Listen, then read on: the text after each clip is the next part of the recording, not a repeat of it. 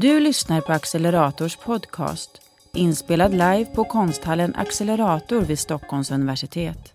Ja, eh, för er som eh, sitter på andra platser och eh, precis börjar titta så är det här Öppna rum, en samtalsfestival som är ett samarbete mellan Accelerator och förlaget Volante. Vi ska precis börja dagens fjärde programpunkt och det är ett samtal där Hanni Kamali möter Jonna Bornemark. Hanni Kamali är född i Hamar, Norge och verksam här i Stockholm. Hon är konstnär och eh, arbetar med vår gemensamma historia som konstnärligt material. Eh, hon gör filmer, skulpturer och eh, performance som på olika sätt gestaltar hur människor berövats röst, handlingsutrymme och mänsklighet. Hannes konst följer rasismens och kolonialismens verkningar in i vår egen tid. Upptäckter i historiska arkiv och samlingar sammanförs i hennes konst med populärkulturella yttringar. Och i centrum för hennes undersökningar står den mänskliga kroppen, subjektets boning och projektionsyta för kulturella normer och maktstrukturer. Eh, aktuella och pågående projekt fokuserar på avhumanisering och representation via fält som antropologi, populärkultur och postkolonialism. Eh, han är utbildad vid Malmö konsthögskola, Bergen Academy of Arts och The International Art Academy of Palestine. Och eh, just nu är du aktuell i Sao Paulo på biennalen där. Och Eh, konstverk som är del av Moderna Museets sam, eh, samling ingår i den hängning som de precis har eh, ställt upp där på museet. Jonna Bornemark är professor i filosofi vid Centrum för praktisk kunskap på Södertörns högskola. Eh, hennes senaste bok är Horisonten finns alltid kvar om det bortglömda omdömet. Eh, tidigare har Jonna skrivit en bästsäljande och väldigt uppmärksammade Det omätbaras renässans, en uppgörelse med pedanternas världsherravälde. Eh, och eh, våren 22 kommer Jonnas nästa bok, Jag är himmel och hav, som är en djupt personlig filosofisk undersökning av graviditet, liv och jagets gränser. Eh, Jonna Bornemark disputerade 2010 med en avhandling eh, som hette Kunskapens gräns, gränsens vetande. En fenomenologisk undersökning av transcendens och kroppslighet. Och för förlaget Volante, våra samarbetspartner här idag, har hon tidigare skrivit boken Kroppslighetens mystik om den kvinnliga eh, 1200-talsmystikern Mechthild von Magdeburg och hennes mycket sinnliga relation till Gud.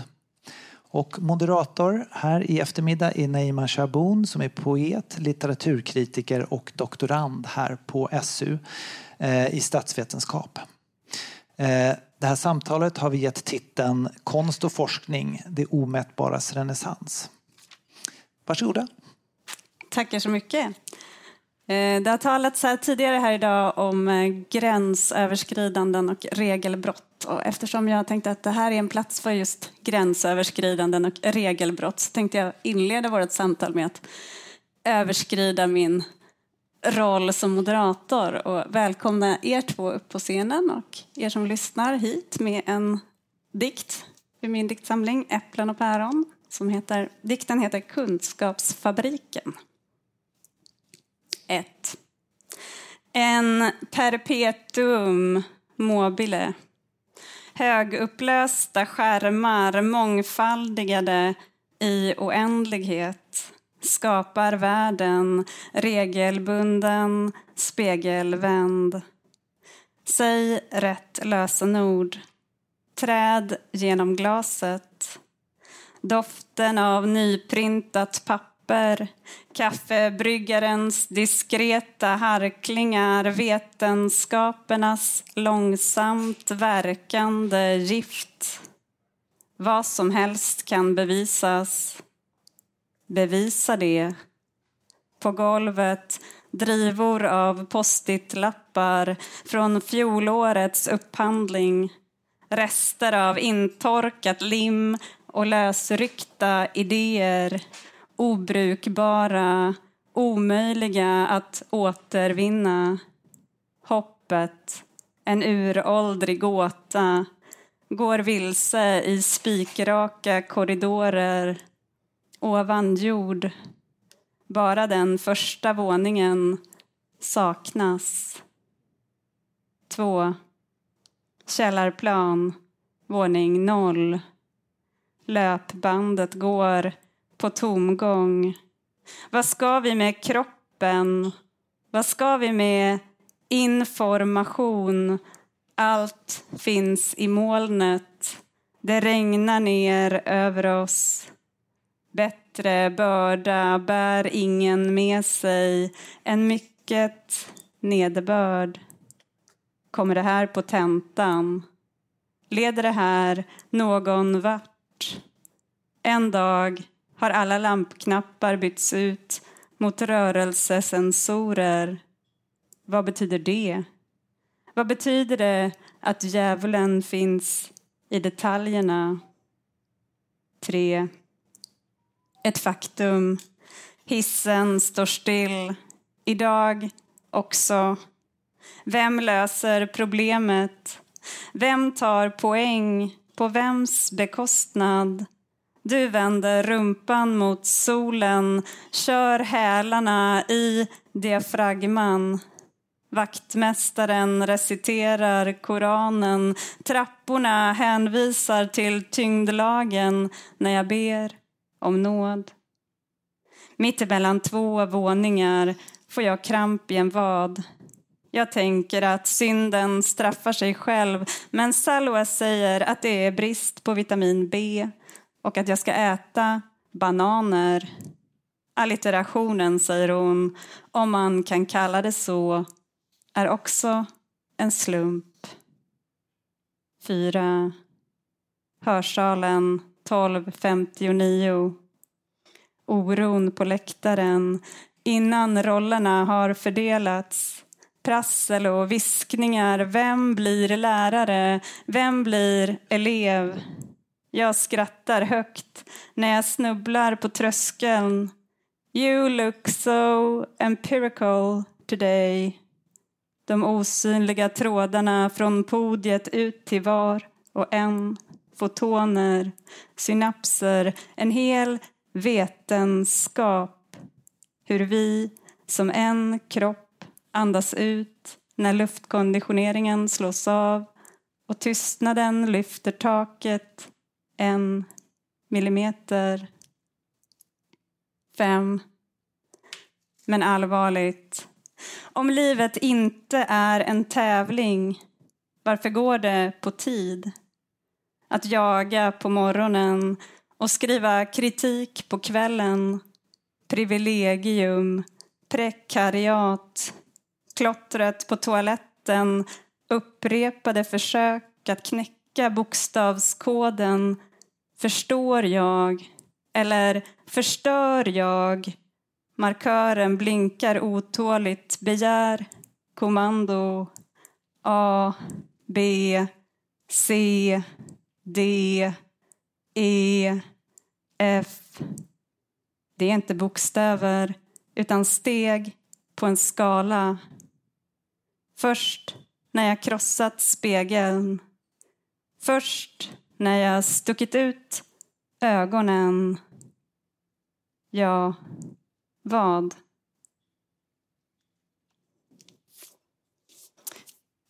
Ja, så börjar det. Samtalet om konst och forskning, det omätbaras renässans. Och nu ska vi äntligen få höra Hanni och Jonna som båda intresserat sig för kunskap, vad den är och hur den uppstår. Du, Hanni, arbetar i skärningspunkten mellan konst och vetande och har studerat hur konsten kan vara en form av kunskapsproduktion på gott och ont kan man säga. Du har till exempel studerat hur konsten har kunnat bidra till att utveckla och befästa rasbiologiskt och kolonialt eh, präglade kunskapssystem.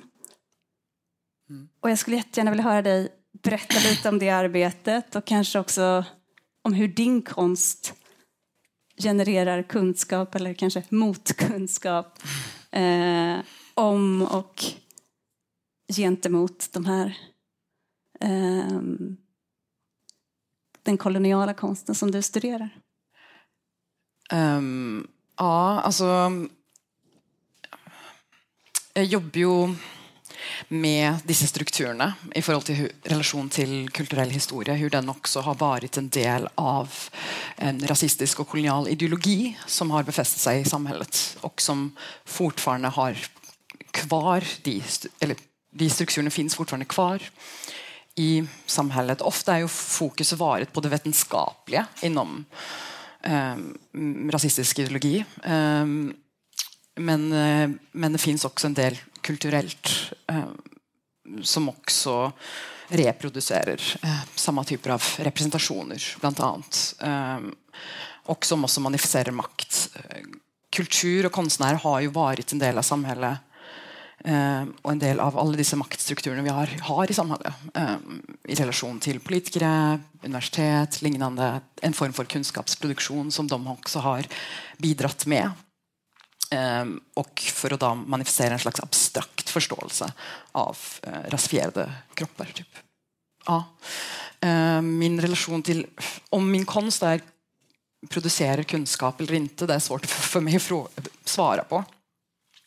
Ehm, men jag tycker att jag, att jag använder konsten som ett verktyg för att kunna gå in i dessa berättelserna och um, ha plats och utrymme till att göra det. Använda det som ett plattform Ehm, för igen då kolla på historiska narrativ och hur de är producerade ehm, på ett specifikt sätt. Uh, eh, så, och då kan man jobba mer, istället för att jobba akademiskt och analytiskt, kan jobba mer kreativt och se kopplingar som inte nödvändigtvis är uppenbara um, ehm, mellan dessa relationerna. Mm. Just det. Och skulle du säga att um, man kan ju man hoppas i alla fall att vetenskapen på ett ganska uppen, eller tydligt sätt har gjort upp med till exempel rasbiologin som är liksom kastad på skräphögen på något sätt. Skulle du säga att de här kulturella manifestationerna är svårare att komma åt eller att de, de, de lever kvar på ett sätt som, som inte um, som de kanske inte på samma sätt, eh, inte samma uppenbara sätt gör i vetenskapen? Um, ja, um, både och. Alltså, ett tydligt mm, exempel är ju monumenter eller skulpturer som vi har i stadsrummet som ofta är en manifestation av samma rasistiska, eh, antisemitiska, diskriminerande processer eh, med konstnärer som också har varit inblandat i eh, den typen av vetenskap, om man säger så. Eh, etnografiska skulpturer och liknande eh, Eh, byster på Bolinderska palatset för exempel av olika folkgrupper. Eh, för exempel. Men också att vi nu, om man pratar om mätbarhet, eh, pratar om mätningen av svenskhet i förhållande till kulturella termer. Ehm, eh, där är det också ett problem att manifestation av rasism är inte nödvändigtvis den skallmätningen som vi håller på eller som vi tänker oss rasbiologi är. Eh, dagens form för manifestering av rasism är att vissa personer tillhör samma kultur, kulturell grupp, om du säger så. Du har kultur eller inte har kultur på samma sätt. Eh, och där är det ju en annan typ av mätbarhet en, eh, och mycket svårare att ta grepp om. Eh, rasismen har ju manifesterat sig genomsyrat vår kulturella värld eh, och det är ett sätt vi exkluderar personer på. Um, så det finns ju... Vi är fortfarande stuck där. Liksom. Um, bara Volante, för exempel. Uh, Sju råd till Mustafa. Vad är svenskhet i det, för exempel? Eller hur kan vi mäta svenskhet i förhållande till, uh, till just det, alltså kultur? Du ska komma in i kulturen, du ska assimileras. Hur mycket svensk kultur är in, i, iboende i dig eller inte. Ja. Mm. Så det är också en mätning, om man pratar om mätbarhet. Och där är någonting um, som... Det är en sorts kulturellt krav som, som redan är medvetandegjort på något sätt. Hur mycket skulle du säga att din din insats här är att medvetandegöra och hur mycket insats är det att, att på något sätt göra motstånd, eller förstår du, mot, mot de mm. narrativ som, är, som finns ute i, eh, i offentligheten. Mm. Eh, för jag tänker mig att mycket av det här kanske, kanske också ligger latent, att det, det inte, eller har gjort åtminstone. Nu, kanske, nu är vi på väg mot mer kanske polariserat samhälle där flera av de här berättelserna faktiskt kommer upp till ytan. Men... Mm. Ja, um, jag ser konst som en slags motstånd, men att man kan också aktivera en annan typ av motstånd, ett mer aktivt motstånd. Eh, men absolut att det är väldigt mycket som bara går under radarn latent. Eh, speciellt, jag har jobbat en del med offentlig konst, eh, monumenter och liknande som har koloniala spår i sig, eller är koloniala eller rasistiska. och ett exempel jag har för exempel är Ringen på T-centralen, eller centralstation här i Stockholm, som har den här exotifieringen, figurer av eskimoer eller liknande. Eh, och när jag har haft vandringar, för det är det jag gör, performativa vandringar med grupper, eh, så är de flesta väldigt överraskade över just den, det verket. För jag man har inte aldrig tänkt på det. Nej. Eh, och den är bara en del av vår vardagsliv. Ah. Eh, bakgrunden och smälter in. Typ. Och det är en annan typ av liksom, öppna ögonen mm. för något. så. Eh, ja. Mm. Jag kan knyta an till precis det, för jag tänker att um, det du beskriver i mina öron mm. är hur människan är en paktiv varelse. Jag ska förklara vad det betyder. Mm. Det är jag som har hittat på ordet, så det är inget konstigt. Jag känner igen det. men för vi beskriver oss ofta i... Ja, men antingen så är vi bara offer för en kultur och vi är såna här och det går mm. liksom, det är så. Eller så är vi liksom helt skilda ifrån traditionen och, och ja, men helt fria subjekt som bara kan bestämma. Nu ska vi inte vara rasister. Mm. Nu gör vi en värdegrund. Så, nu är ingen rasist mer. Då var vi mm. klara med det. Text, liksom. um, men om, utifrån den här paktivitetstanken så tänker jag att vi är ju alla del av det här rasistiska arvet i den mån vi är del av, av en västerländsk kulturtradition. Men eh, det betyder just inte att vi bara är passiva, utan vi är paktiva. Vad vi, att vara människa är att också få syn på det arvet och, och vrida det åt ett lite annat håll. Um, alltså att, att från passiviteten går i just eh, handlingskraftiga människor över till en aktivitet. Det är det det är, tänker jag, att vara människa. Att både få syn på det, alltså med medvetandegörande processen, men när vi medvetandegör saker mm. så ändrar vi ju på dem också. Liksom, det, vi, det är aldrig så att de är skilda ifrån varandra. Nej. Att medvetandegöra är att ändra på det. Ja. Och sen så kan man vrida det åt ett annat håll. En anledning till att jag bara kommer att tänka jo. på det ordet, för jag tänker att det är den kraften jag tycker att du pekar på med att liksom, ja, men vi kan också göra saker här. Men vi måste liksom baka det. Vi kan mm. inte bara ställa oss utanför och säga ja, men titta, nu är vi något helt annat. Mm. Jag tänker att du liksom bearbetar det och gör någonting med det sen. Ja. Åt något annat håll förhoppningsvis. Ja, ja för du har rätt, vi är alla del av det. Mm. Um, vi är alla implicerade i systemet. Men det betyder inte att det är kört? Liksom. Nej, eller att nej. det inte finns någon annan nej. väg att gå? Eller att det... Ja, det är det jag också tänker som konstnär, att man tar ett, liksom ett ansvar för kultur som har varit. Ja. Uh, men man kan fortfarande utöva konst och mm. um, ja, jobba med de strukturerna. Ja. Mm. Jag, jag, tänker det finns liksom en, en lite hoppfull kraft i det. Ja, får man hoppas på. Ett kunskapsbegrepp som eh, i väldigt hög grad tar fasta på just handlingen och det praktiska, det är ju det begrepp som, som eh, du utvecklar i, i eh, din bok Horisonten finns alltid kvar om det bortglömda omdömet, nämligen omdömet som en kunskapsform som vi tenderar att glömma bort idag och kanske särskilt vi på universitetet.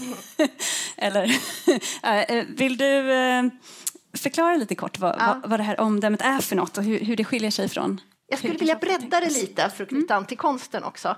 Eh, för omdömet är en sorts, vad jag kallar för intellektuspraktik.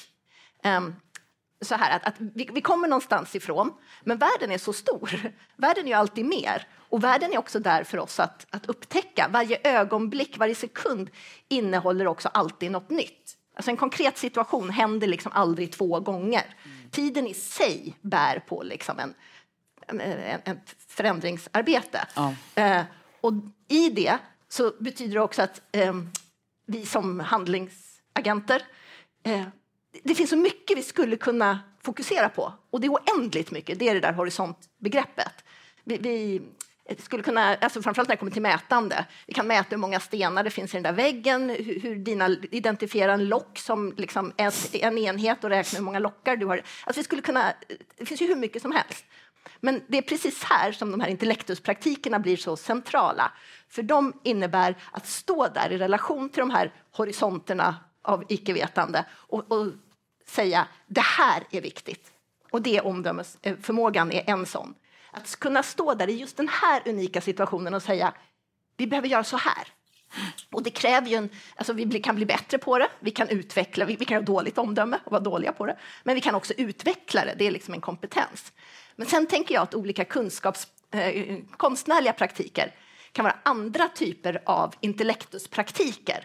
Så är det någon liksom, punkt där konsten och vetenskapen alltid möts så är det för att de eh, vi har varit dåliga på att liksom utbyta sådana intellektuspraktiker. I vetenskapen vill man gärna fort därifrån och säga ja, men det är det här som är viktigt, det här är, är vad jag ska göra och sen så börjar man rationalisera kring det, mäta och räkna kanske.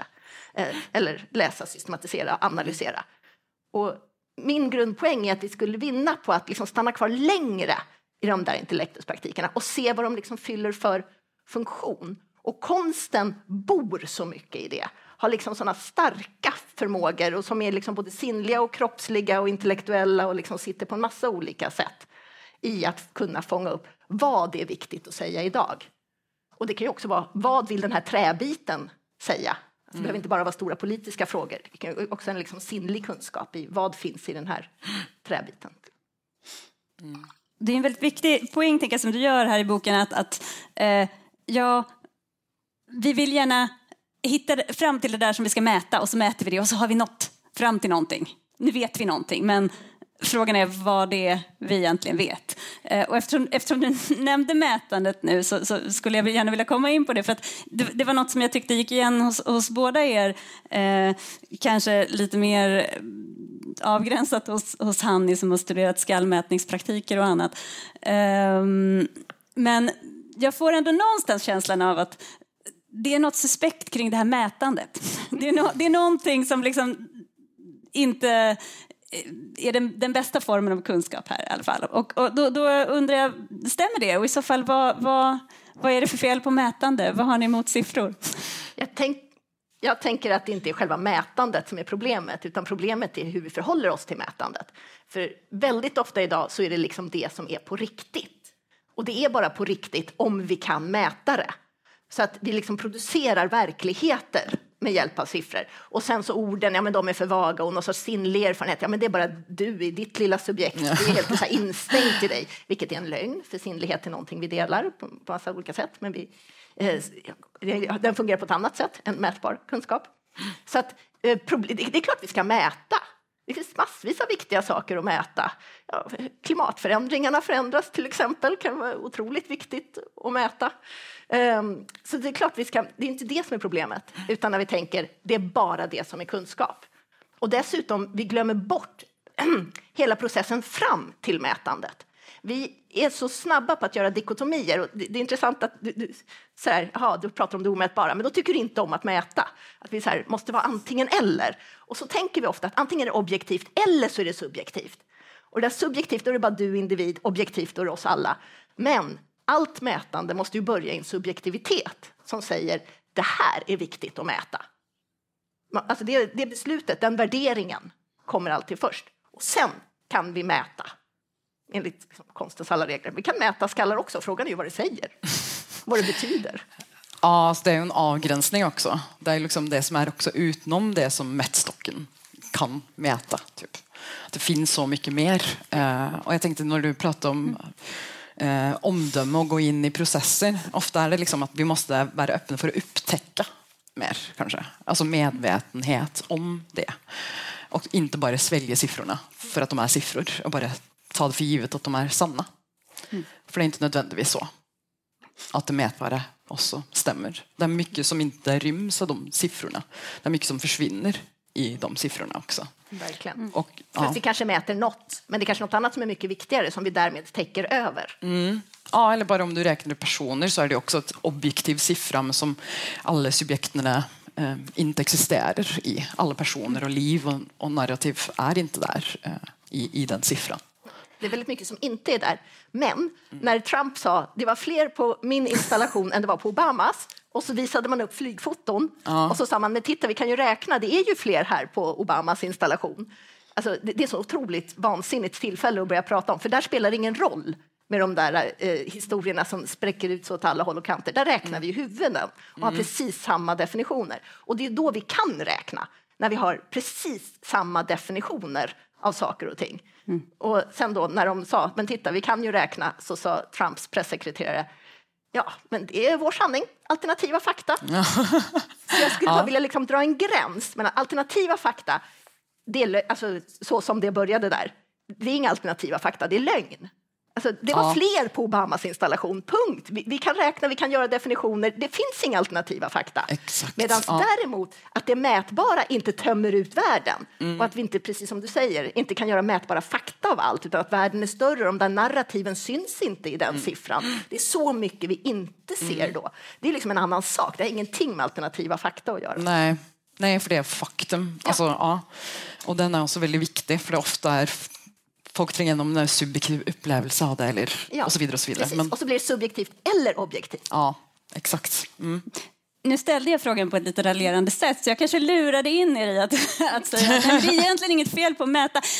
Det jag tänkte att ni kanske skulle säga det var någonting i stil med att nej, men siffror de verkar i sig hierarkiserande eller objektifierande eller vi, uh, vi, vi, uh, vi, vi, vi tappar bort det mänskliga på något sätt. Och där, då, då tänkte jag vi, vi, vi kanske kan ta fatt i det, för det, det tycker jag också är någonting som kommer fram väldigt tydligt. Ni jobbar ju båda två eh, med frågor om makt och maktstrukturer, eh, mer eller mindre formella. Eh, men den, och ni, ni vill väldigt gärna båda två tror jag lyfta fram det mänskliga som försvinner i de här strukturerna. Eh, och, och där tänkte jag att eh, du Hanni har ju till exempel, återkommer till exempel till ehm, frågan om hur makten verkar avhumaniserande, objektifierande. Eh, som, och, och där kanske jag trodde att du hade liksom sagt att nej, men siffror de, de är objektifierande på något sätt. De säger ett är lika med ett och så vidare. Liksom, och det spelar ingen roll vad som är vad och det, liksom, vi tappar bort någonting här. Eh, men men eh, jag skulle jättegärna vilja höra dig bara prata lite om det här begreppet avhumanisering. Vad, egentligen vad, vad, vad du lägger i det och, och hur, hur, hur går det till? Hur går den här avhumaniseringen till? Och kan konsten på något sätt vara en bot mot den? Kan, kan den återhumanisera oss? uh, avhumanisering, då tänker jag då speciellt maktstrukturer och det förtrycket uh, den andra får uppleva, ofta då rasifierade kroppar. Och avhumanisering är ju den metod de använder, eller maktstrukturer använder, statliga institutioner använder för att begå handlingar, våldsamma handlingar mot andra personer. Så att man inte ser dem som människor, subjekt längre. Eh, och det är inte nödvändigtvis att de är objekter heller. Det kan vara också att de är andra skapelser, andra varelser, alltså eh, djur eller liknande. Um, ehm, och så har jag senare tid också jobbat med det på ett sätt um, där personer och människor inte längre är personer och människor med historier, egna historier. Ehm, det senaste jag jobbar med pågående projekt nu för exempel, som har utgångspunkt i Herman Lundborg, eh, grundaren av Rasbiologiska institutet, och hans bok eh, Svenska folktyper, mm, där han har ett kapitel som heter ehm, Utlänningar. Och där det är bilder, fotografier som han har fått från polisen av ehm, migranter i Sverige från tidigt 1900-talet som har blivit arresterade och utvisade. Eh, och det är foto på dem och så står det persisk tiggare utvisad och så vidare. och så vidare. Eh, där jag har jobbat med att återhumanisera dem ved att hitta deras namn. Vad var deras historia? Vem var de som personer? Ja, tydliglägga den berättelsen också. Men så finns det ju, den strukturen är ju ja, pågående kan man säga. En sorts återerövrande av den mänskligheten som Ja. blev utsuddad. Ja, ja det är sån, en hedring tänker jag ofta på. Eh, att jag vill göra. Ja. Och hos dig Jonna tänker jag också att du, du identifierar en, en ut, utraderad mänsklig agens åtminstone eh, i, i det här bortglömda omdömet. Det är både människorna i vissa verksamheter brukare i den mån du, du sysslar med vårdyrken och, och mellanmänskliga yrken, men också professionsutövarna. Eh, det hela blir bara liksom en, eh, en kugge i, i någon sorts maskineri och någonting som till varje pris ska kontrolleras, vars handlingsutrymme ska minimeras. Eh, och där undrar jag helt enkelt, men hur, hur ska vi göra då? För att människan ska få plats i, i det, det, liksom, det här stora samhälleliga maskineriet. Man brukar prata om den mänskliga faktorn som en risk, ett riskmoment. Människan är ett riskmoment. Eh, det kan hela tiden gå fel om vi råkar låta ge människan för stort utrymme. Hur ska vi hantera mm de riskerna? Just det uttrycket är ju eh, en problematisk relation till vad datorer och AI är för någonting. Först så skulle eh, AI vara så lik människans intelligens som möjligt och sen så vändes det där efter ett tag när AI blev bättre på att spela schack till exempel och då så försöker vi, vill vi att människor ska bli så lika AI som möjligt. Eh, nu så tror jag faktiskt att forskningen är på väg åt det hållet att säga att AI är en sak och MI är en annan sak, alltså mänsklig intelligens. Mm. Och hur kan de samarbeta? Och borde kanske inte det där mänskliga omdömet eh, vara över AI som inte har någon relation till icke-vetande och som inte kan ändra om sina eh, algoritmer på ett liksom utifrån sätt eller liksom se något nytt. Det här är viktigt, få in en ny värdering som inte har några värderingar i sig. Men ehm, jag skulle gärna vilja koppla till en annan sak när det gäller makt Ehm, en annan typ av, av liksom maktordning i samhället som har spelat väldigt stor roll under 2000-talet där eh, det har skett en maktförskjutning från kärnverksamhetens professionella, och jag pratar mycket vård, skola, omsorg, så från lärare, läkare, sjuksköterskor och så vidare, till administrationen och till ledningen och också till forskningen på ett lite obehagligt sätt. Där man vill att forskningen helst ska leverera entydiga fakta och inte ett reflektions underlag, utan entydiga eh, gör så här. Och så gör man om det till liksom en praktisk kunskap till manualer som kärnverksamheten sen bara ska utföra. På, på, ju mer robotlik, desto bättre. Man ska just inte vara subjektiv, ska inte finnas några känslor, några erfarenheter. Eller någonting. Och alla som jobbar med vård, skola och omsorg vet att det där blir bara vansinnigt. Det, det, det måste vara människor som jobbar där. Så att, eh, din fråga var hur vänder vi på det? Men till att börja med så måste vi se vad som har hänt. Och, eh, administrationen just, alltså det är klart vi behöver ha en bra administration, men tidigare så var den ett stöd till kärnverksamheten. Det är den inte längre. Det här finns det jätteintressant forskning på, som är eh, helt ny, eh, kring hur eh, administrationen tjänar mer pengar, har högre status inom organisationen och är de som talar om för kärnverksamhetens professionella vilken administration de ska utföra. Så relationen här har liksom helt ändrats. Eh, vilket beror på att professionernas eh, status har, har sjunkit på en massa andra sätt. Lång historia.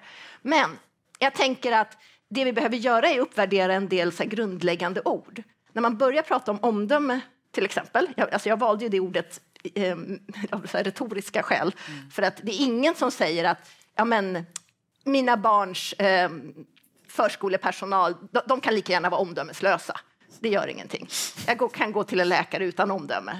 Nej, vi vet att omdöme är nödvändigt. Vi, vi hör det liksom på ordet. Men om man pratar med liksom, i olika nivåer i hela samhället och frågar hur gör ni för att utveckla omdömet då, om det är viktigt? Va, vad är det för något? Hur odlade ni det? Är det bara så att man har tur att någon råkar omdöme eller inte? Då, då mm. blir folk ofta ganska svarslösa för vi har liksom inga system för att utveckla omdömeskunskap. Mm. Och det är ju liksom en av mina mm. huvudpoänger, att om, mm. om vi liksom, eh, ser det här ordet för vad det faktiskt är, att det också bär på hela den här mänskliga intelligensen som inte kan reduceras till AI och som är någonting annat än AI. Mm. Att den behöver vi liksom odla för att kunna bli bättre på våra jobb. Och då måste vi ha organisationer som är medvetna om det och jobbar för det. Mm. Och nu var du inne på icke-vetandet och det är ju, det är ju en, en, en central punkt hos dig att, att icke-vetandet, det är inte bara de här horisonterna som visar vart vi kan gå nästa steg, hur vi kan lära oss mer, utan också ett tillstånd som vi ska tillåta oss att vara i. Um, och där undrar jag lite, vad, vad, kan vi hämta hem från den här uh, insikten om att ja, men vi ska försöka, vi, vi ska få skapa ett utrymme för icke-vetandet, om vi är forskare och, och lärare och studenter. Um, hur ska vi göra för att skapa en forskningsprocess som lämnar utrymme för icke-vetande? Hur gör vi undervisningen? Kan man lära ut icke-vetande? Kan man betygsätta icke-vetande? um, betygsättandet, då får man ju ont i magen på en gång. på hur de liksom, lärandemålen ser ut. Um, men uh, vi kan, eh, alltså det är det som, jag undervisar på doktorandnivå just nu, det är så himla skönt att slippa VG och G-gränsen. Eh, alltså, är man godkänd så är man godkänd. Och så ser det ut på de konstnärliga högskolorna väldigt ofta. Eh, var det så mm, hos dig? Ja. Att det liksom är godkänt eller underkänt för att man just inte vill börja gradera uppåt. Och det tänker jag är vad gäller betygssidan där som är viktig. Men jag skulle också vilja knyta an till precis liksom, temat för de här samtalen är att eh, forskningen och vetenskapen har så himla mycket att hämta ifrån konsten här. Och, i, eh, och från filosofin kanske jag skulle vilja tillägga, för att filosofin som sådan börjar ju i förundran. Det är liksom Aristoteles första känsla, är att vi måste eh, också få... Eh, jag vet inte, shit, wow! Mm. Så, eh, Descartes sa Eh, ja, den där förundrankänslan är liksom viktig för att vi ska få syn på någonting nytt. Men sen måste vi därif bort därifrån så fort som möjligt. Eh, det är liksom ett tydligt brott där att, som präglar moderniteten. Att visst, vi kanske upptäcker något nytt, men sen genast börjar liksom mäta, räkna, ordna, strukturera. Och jag har varit i ehm, ett par, jag får ta ett exempel där konsten, liksom, den konstnärliga forskningen eh, öppnade upp ett helt forskningsfält. Det finns nämligen jättespännande ny sådär, eh, forskning, eh, människa-djurstudier och människa-häststudier har jag varit inblandad i. Och grundfrågan där är, vad, vad är en häst? Det kanske inte, alltså vi har så mycket idéer om vad en häst är, men vi vet faktiskt inte hur det är att vara häst. Eh, och vi, det här håller liksom humanisterna på att baka, men hur ska vi hantera det här, den här relationen och maktrelationen? Kan vi rida? Liksom, alla de etiska frågorna eh, och så vidare. Och sen så på två konferenser så är den Eh, Marie Fallins, eh, som är koreograf och, eh, i konstnärlig forskning. Hennes inslag har gjort att människor plötsligt inte bara liksom pratar och tänker om det där, utan upplever det. Hennes första installation var, var att eh, människorna var liksom, kom in i hästens roll. hon gjorde det så himla snyggt så att plötsligt så såg jag hur alla de här så ordfyllda humanister, samhällsvetare som bara är fulla av ord plötsligt blev ah. Och så blev de lite tysta. Och sen vart de bara ja! Alltså, det, det, var sån kraft i det. Och jag tror att det var för att vi stannade kvar i att vi inte visste. Mm. Vi var inte så snabba med de där orden som bara lägger allting till rätta. För att konstnärerna jobbar med det sinnliga, här, hon gjorde det där, mm. eh, med det sinnliga, med liksom det kroppsliga, med, alltså, på, på, en helt annan nivå som vi snackar om, men inte liksom gör. Så jag tänker att det finns otroligt mycket att hämta här. Mm. mm. Det är ja. Annie som, som, som uh, talar inifrån ja. från konsten. Um, Um. Om vi nu tänker att det, det, finns, det finns en plats, kanske, för icke-vetande inom konsten. Hur, hur, eller jag kanske bara ska fråga dig, upplever du att det är så? Eller upplever du snarare att det finns krav på att, att konsten ska vara, leverera svar eller vara begriplig? Eller, eller finns... Ja. Ja, eh, ja, eh, jag tänker på det på två olika sätt. Eh, den ena är ju just det att stanna kvar i icke-vetande. Jag tror folk, att vi som människor försöker att hitta svar eller ge, ge mening till väldigt mycket. Um, och i mina skulpturala arbeten jobbar jag också då tänker jag väldigt mycket på vad är en fysisk närvaro utan att den behöver förklaras eller beskrivas. Uh, hur känner du en fysisk närvaro utan att ha ord för det? Um, Eh, och i det andra, är icke-vetande förundran, väldigt ofta börjar jag projekten mina baserat på alltså att jag upptäcker något och så går jag vidare från upptäckt till eller graver mig djupare in i det. Men det börjar ju en slags icke-vetande. Eh, men, men tillåt mig själv till att, till att ha den förundran och inte försöka hitta svar med en gång. Men vad, hur kommer man vidare? Typ. Hur kan man bygga ja, bygga en förståelse för något där man startar från en grundkänsla eller en grundidé eller um, något man bara ser. Typ. Jag tänker ett aktivt seende är väldigt viktigt uh, att ha. Um, både när man går runt i stadsrummet, när man ser saker, upplever saker, att man tänker på de känslorna och det vi ser eh, aktiverar oss också.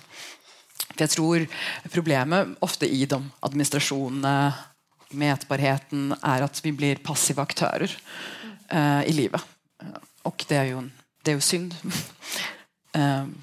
Vi använder inte den där paktiva kraften. Ja. Vi liksom bara fortsätter den där historiska linjen. Mm. För de här liksom, praktiken av icke-vetande, då ökar vi liksom möjligheten till brott där, till att se någonting nytt, till att rikta om den där kraften som liksom, mm. historien kommer med. Men, ja. men jag tror det är också en osäkerhet liksom, i den icke-vetande. Mm, förstås. Ja. Vi vet ju inte vart det tar vägen. Nej. Mm det är därför vi, just för att vi inte riktigt förstår det här, så reducerar vi så ofta konsten antingen till att bli så ett instrument för någonting annat. Att vi, vi vet redan vad som är målet, så demokrati eller någonting annat. Mm. Att folk ska bli goda eller på ett visst sätt.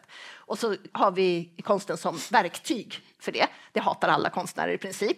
Det blir en reduktion av det. Man får just inte vara där och inte veta, för man vet redan vad målet är. Och det andra motsatsen till det är ju konst för konstens egen skull där den liksom avskärmar sig från ett liksom samtal med samhället mm. och bara den här vita kuben och det räcker att några stycken förstår det där, ge oss pengarna liksom. Bryr inte så mycket om vad vi pysslar med. Och jag tänker att båda de två har liksom missförstått i grunden vilken funktion konsten har i ett samhälle som är just att paktivt styra om den. Mm. För att vara eh, ja, men kort, se, se liksom grundläggande, vad är det som är viktigt? Vad är det vi behöver tänka om? Vad är det vi behöver baka? Och sen kan vi organisera och systematisera efter det. Ja, ja ett alternativt typ blick på något, ja. tänker jag ofta. Jag tänker att liksom bryta ned om du tar historiska narrativ eller historiska strukturer, om vi ska kom, se på dem på nytt sätt, så må vi göra om dem lite. Eh, och där på något ge betraktarna, eller ge människor ett alternativ det finns andra sätt att se på saker. Det finns andra sätt att dra linjer, dra timelines mm. eh, och ge personer möjligheten till det. Tror att vi som, som eh, mottagare av konsten är är vi för dåliga på att, att, att stanna i förundran och söka svar? Jag, jag kände mig själv väldigt drabbad när jag, jag, jag, gick till Moderna för att titta på dina fantastiska skulpturer. Som är, för de som inte har sett dem så är det stora stålkonstruktioner som hänger från taket. Och det är så här, jag tänkte, åh vad jobbigt det här blir svårt, hur ska jag förstå vad det här handlar om? Eh, och så, kom jag, så gick jag närmare då, eftersom jag är en person som håller på med ord, så gick jag fram och läste på den lilla tavlan där det stod Freddie Gray och jag, och jag sa, åh vad skönt, det finns ett svar. Det finns ett facit. det finns ett ord som jag kan liksom ta fasta på.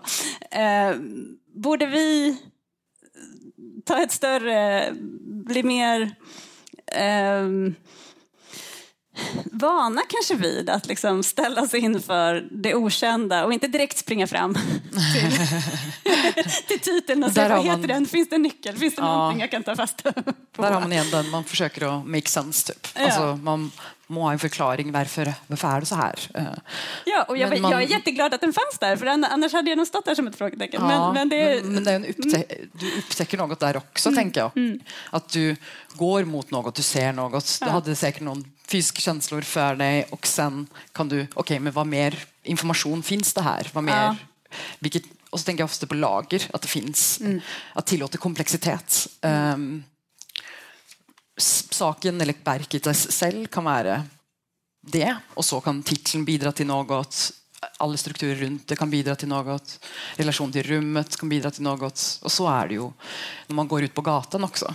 Du har ett gatunamn, du har en byggnad, olika lager mm. med saker, information som man kan eh, djupa, grava sig djupare i. Eh, och för mig är konsten att ge dem mm. nycklarna, mm. eller nyckelhålen. Mm. Och så får man läsa dem som man vill eller öppna dörren om man vill. Mm. På det sättet. Mm. Ja, jag tror att efter det här samtalet så kommer jag sluta titta på konst genom att bara läsa titlarna och Nej, försöka börja backa tre meter och ja, ta in det först. Jag tänker att alla de delarna, mm. se, läsa, mm. är en del av att göra Men vi ska vara medvetna om också att, att, att, få vara en människa som kan stå där i relation till horisonter av icke-vetande och inte veta. Alltså det, är, det är inte alla som har råd med det. Alltså det ligger en massa makt i att mm. kunna att, att tillåta sig att stå där och inte veta. Och jag tänker även när det gäller konstbesökare att eh, om man känner sig osäker i den miljön, det här har någon sorts högt eh, kulturellt kapital, eh, nu tänker jag att du är en ganska van eh, kulturbesökare, men ju mer ovan man är vid det, desto mer känner man så här, åh, jag borde förstå eh, någonting. Mm. Och att det, är, alltså det är så mycket saker som händer i ett sånt rum. Och där tänker jag att vi liksom då, eh, det biter sig själv i svansen. Och vi ska vara medvetna, alltså, och det är därför jag tänker att vi måste träna på det. vi måste, alltså, det är katastrof att man inte värderar estetiska färdigheter i skolan till exempel, om man tänker just att det är ett instrument för annat. Och för att få högsta betyg i till exempel bild så måste man kunna verbalisera, reflektera, analysera över det. Det räcker aldrig att, att bara vara bra på att rita eller ha en fantastisk färg och formkänsla. Och det i sig visar ju på den här grundläggande mänskliga, eller det samhälle vi lever i, hur den värderar de här kompetenserna. Vilket gör att när du står där vid den där konstutställningen så räcker det inte att ha en sinnlig erfarenhet här. Du ska ha en analys, du ska ha liksom massa ord på det helst och kunna tala om för den andra vad det här är, för no eller för dig själv. Och jag tänker att meningsskapande sker på en massa olika nivåer. Och här mm. tänker jag faktiskt att vi är otränade, som du var inne på. Vi är otränade både på att inte veta och vi är också otränade på att ta till oss andra typer av kunskapsformer än en viss typ av verbal kunskap. Även poesin är vi otränade på att använda orden på det sättet. Ja, men jag tänker att det är väldigt viktigt med reflektion också. Absolut. Eh, men, men inte bara det, alltså, det är inte antingen eller här. Nej, nej. bara har det ena. Och i, i skolbetygen så är det det som ger högst betyg i alla ämnen. Ja. Mm. Alltså jag, jag är all for reflektion, ja. det är vad jag gör hela dagen. Ja, alltså jag, ja, eh, jag gick inte bild, jag gick en annan typ av gymnasie. Men eh, dagligdags tänker jag, vi är dåliga på att reflektera. Mm. Det är också ett problem. Men det är ett annat problem. Det är ett annat jag. problem, ja. absolut. Jag tror det är också en sån grundkänsla. Och som du säger, ja, det är maktstruktur så fort man går in i ett museum. Vem är van att vara där? Vem, vem tror att de kan vara där? Eller vem vet att det finns ens en möjlighet att gå in på Moderna och se samlings Utställningen för exempel har inget inträdesavgift om du ska säga. Det, är inte alla som vet det. Ehm, jag kommer ihåg när jag började med konsten så var det också, jag visste inte, oj, man kan vara en konstnär. Man kan, det, det är också något man kan vara. Um, ehm, och det är ju en slags exkluderingsmaktstruktur igen. Man har inte gett alla dessa alternativ till alla personer. Kultur är en plats där makt reproduceras och är en mikrokosm av hur samhället också fungerar. Tyvärr. Och det har vi en lång, lång tradition över. Just de här intellektuspraktikerna har alltid, om, om, vi tidigare hade någon sorts samhällskropp där som alla skulle vara del av, så är det så präster och kungar i huvuden, hantverkarna i händerna, slavarna i fötterna och kvinnorna i mest skötet och tuttarna eller liksom så, reproduktionen. Och, så, och då är det just bara huvudet som behöver ha de här intellektuspraktikerna som, liksom, som på ett sätt liksom styr konsten. De gör ju inte konsten, men de liksom styr den och säger vad som är viktigt och vart vi är på väg och så vidare. Och vilka vi är. Mm. Eh, och i en demokrati så måste vi ha en idé om att vi alla är intellektusvarelser. Att alla har tillgång till intellektuspraktiker. Och där har vi en del att jobba på. Och det blir eh, övergången till att vi vänder ordet ut till de som har lyssnat på det här samtalet och eh, vill delta i det. Varsågoda och ställa frågor. Vi har tid för två, har jag blivit lovad. De är hyfsat korta.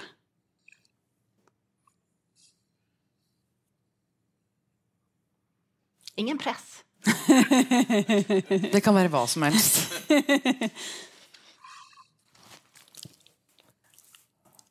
Ingen frågor? Nej. Jag har en. Mm. eh, vad, vad, vad tror ni hindrar oss? Vad är det som ställer sig i vägen i vårt samhälle för att förundras, att vara kvar i, i reflektion, att våga vara svarslös? Vad är det som ställer sig i vägen och finns det något som rent av driver det andra? Jag har ett ord. Kontroll. kontrollbehov tänker jag är en, den absolut starkaste begäret här. Och det är klart att vi alltid... Eh, det där kontrollbehovet har, har ju en funktion. Det, det, är klart vi vill ha liksom en ordning och en förståelse och så. Men eh, vi har betonat kontrollbehovet så enormt starkt i hela moderniteten. Liksom. Den har växt under Det har handlat så mycket om att kontrollera eh, och, och liksom ha makt över och så. Och i, till slutändan så tänker jag att vi liksom lurar oss själva. För vi, eh, ja, men, när vi ska säkerställa saker och ting så kan det också bli en snuttefilt som gör att vi bygger tystnadskulturer istället. För har vi säkerställt att det inte finns någon rasism inom Tullverket så kan ingen, eh, de säger ju, ingen kan vara rasist som jobbar på Tullverket för det har vi säkerställt. Och, och då har liksom det där kontrollbehovet löpt amok och blir precis motsatsen. Mm. Så att eh, kontroll eh, måste vi ha på något sätt, men när det löper amok eh, då måste vi också få protestera. Ja, det är liksom en typ av erkännande man måste göra. Ja, kanske det finns problem. Ja. Vi vet inte, vi kanske kan grava oss in i det. Ifrågasätta. Jag tänker att en aktiv reflektion är ställa frågor. Varför gör vi inte det när vi upplever något? Men varför händer det så här? Eller varför ska det vara så här? Uh, och det är en typ av aktiv reflektion. Här, här, tänker jag att modernitetens liksom, tekniska, medicinska, fantastiska liksom, explosion eh, av uppfinningar från liksom, framförallt kanske 1800-talet och framåt mm. och in under hela 1900-talet har gett oss en känsla av att vi kan kontrollera allt. Och där kommer nästa problem. Om vi kan per, liksom, kontrollera allt, då borde jag kontrollera allt också. Och så upptäcker jag att jag inte riktigt kan kontrollera allt och så känner jag mig otillräcklig. Det är också enormt vanligt idag. Jag borde ha kontroll över allt. Det här tror jag att vi liksom har lurat oss på den här teknikexplosionen. Är, är det så att, att, att vi, i och med att vi mäter kunskap så har ju kunskap blivit viktig. Alltså den, det är en makt. Det är, kunskap är makt på något sätt. Och att då liksom, är det så att vi inte vågar ställa oss frågande för att vi då förlorar makt. Det tror jag. Tänk, just, ursäkta. Nej. I, I början av corona, där, så precis i början, så var det några politiker som sa vid något tillfälle men vi vet inte, men vi måste nog ändå handla så här. Och jag tror att jag inte var ensam om att känna så här, ah, vad befriande med en politiker som säger att de inte vet. Sluta, bara, jag vet, vi vet inte, men vi måste ändå gå åt det här hållet. Och sen tog det två veckor och så visste alla tvärsäkert vad som var rätt och fel och kunde brista ut i våldsamma polariserade samtal. Alltså, mm. för, men, men man tror att man förlorar makt. Jag tänkte, just politiker blir det så tydligt. Jag vet inte det sämsta svaret. De, alla medietränade säger du ska aldrig säga att du inte vet. Men just därför tror jag att det kanske är det mest effektiva. Alltså för att vinna förtroende. Ibland, i rätt tillfälle. Ja, jag tror ja, kunskap och makt, men vem är det, vi, vem är det som har kunskapen och vad, vad är den kunskapen? Vad är kunskap då? Vilken kunskap? Ja, vilken kunskap och vilken kunskap värdesätter vi och annan kunskap som inte värdesätter? Det är ju en specifik tradition eh, som också belyser ett annat maktproblem. Och universitet också har ju en generell, alltså det finns en historisk koppling till fascistiska rörelser för exempel och universitet. Eh, de kan man också kolla på för att se hur den strukturen fortfarande existerar eh, inom institutionerna. Men man kan tala om makt som ett försök att sätta sig över någon annan, men man kan också tala om trygghet. Tänker jag. Att man vågar bara ställa sig frågande när man känner sig trygg och när man känner sig trygg på att andra litar på att jag ändå är en hyfsat kompetent människa. Då kan jag också avslöja vad jag inte vet. Men om jag hela tiden måste kämpa för att på något sätt nå andras erkännande, då blir det väldigt svårt att erkänna det där, de där bristerna eller den där okunskapen. Mm. Det var det jag var inne på förut, att mm. alla kan inte tillåta sig att inte veta på samma sätt. För väldigt det kräver makt för att få mm. liksom, mm. känna det. Och, och, den tryggheten, det är väl ett bra sätt att uttrycka det på. Man måste liksom ha, en, ha en grundtrygghet för att kunna säga här vet jag inte. Men sen så är ju grejen också att när vi pratar om icke-vetande så kan vi inte bara stanna där heller. Icke-vetandet leder ju vidare. Vi tänker så lätt på att så här, ja, då vet vi inte. Jaha, då vet vi inte. Så, att det är slut. Mm. Men det är precis där allting börjar. Det, det betyder ju att ja, men då måste vi gå framåt åt det här hållet.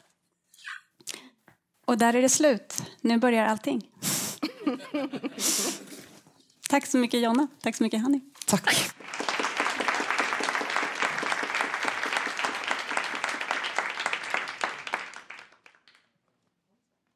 Ja, stort tack. Jag vill bara avrunda dagen och Accelerators vägnar och eh, stort tack till Volante. Det har varit eh, ett fantastiskt samarbete. Eh, ja, jag slutar där helt enkelt. Stort tack till er och alla som har varit här idag. Ha en fin eh, helg. Hej!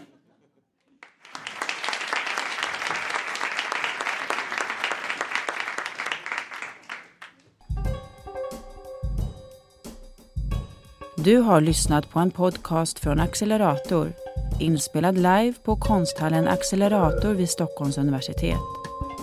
För att ta del av vårt program, prenumerera på vår podcast och besök Accelerators hemsida acceleratorsu.art där du även kan prenumerera på vårt nyhetsbrev.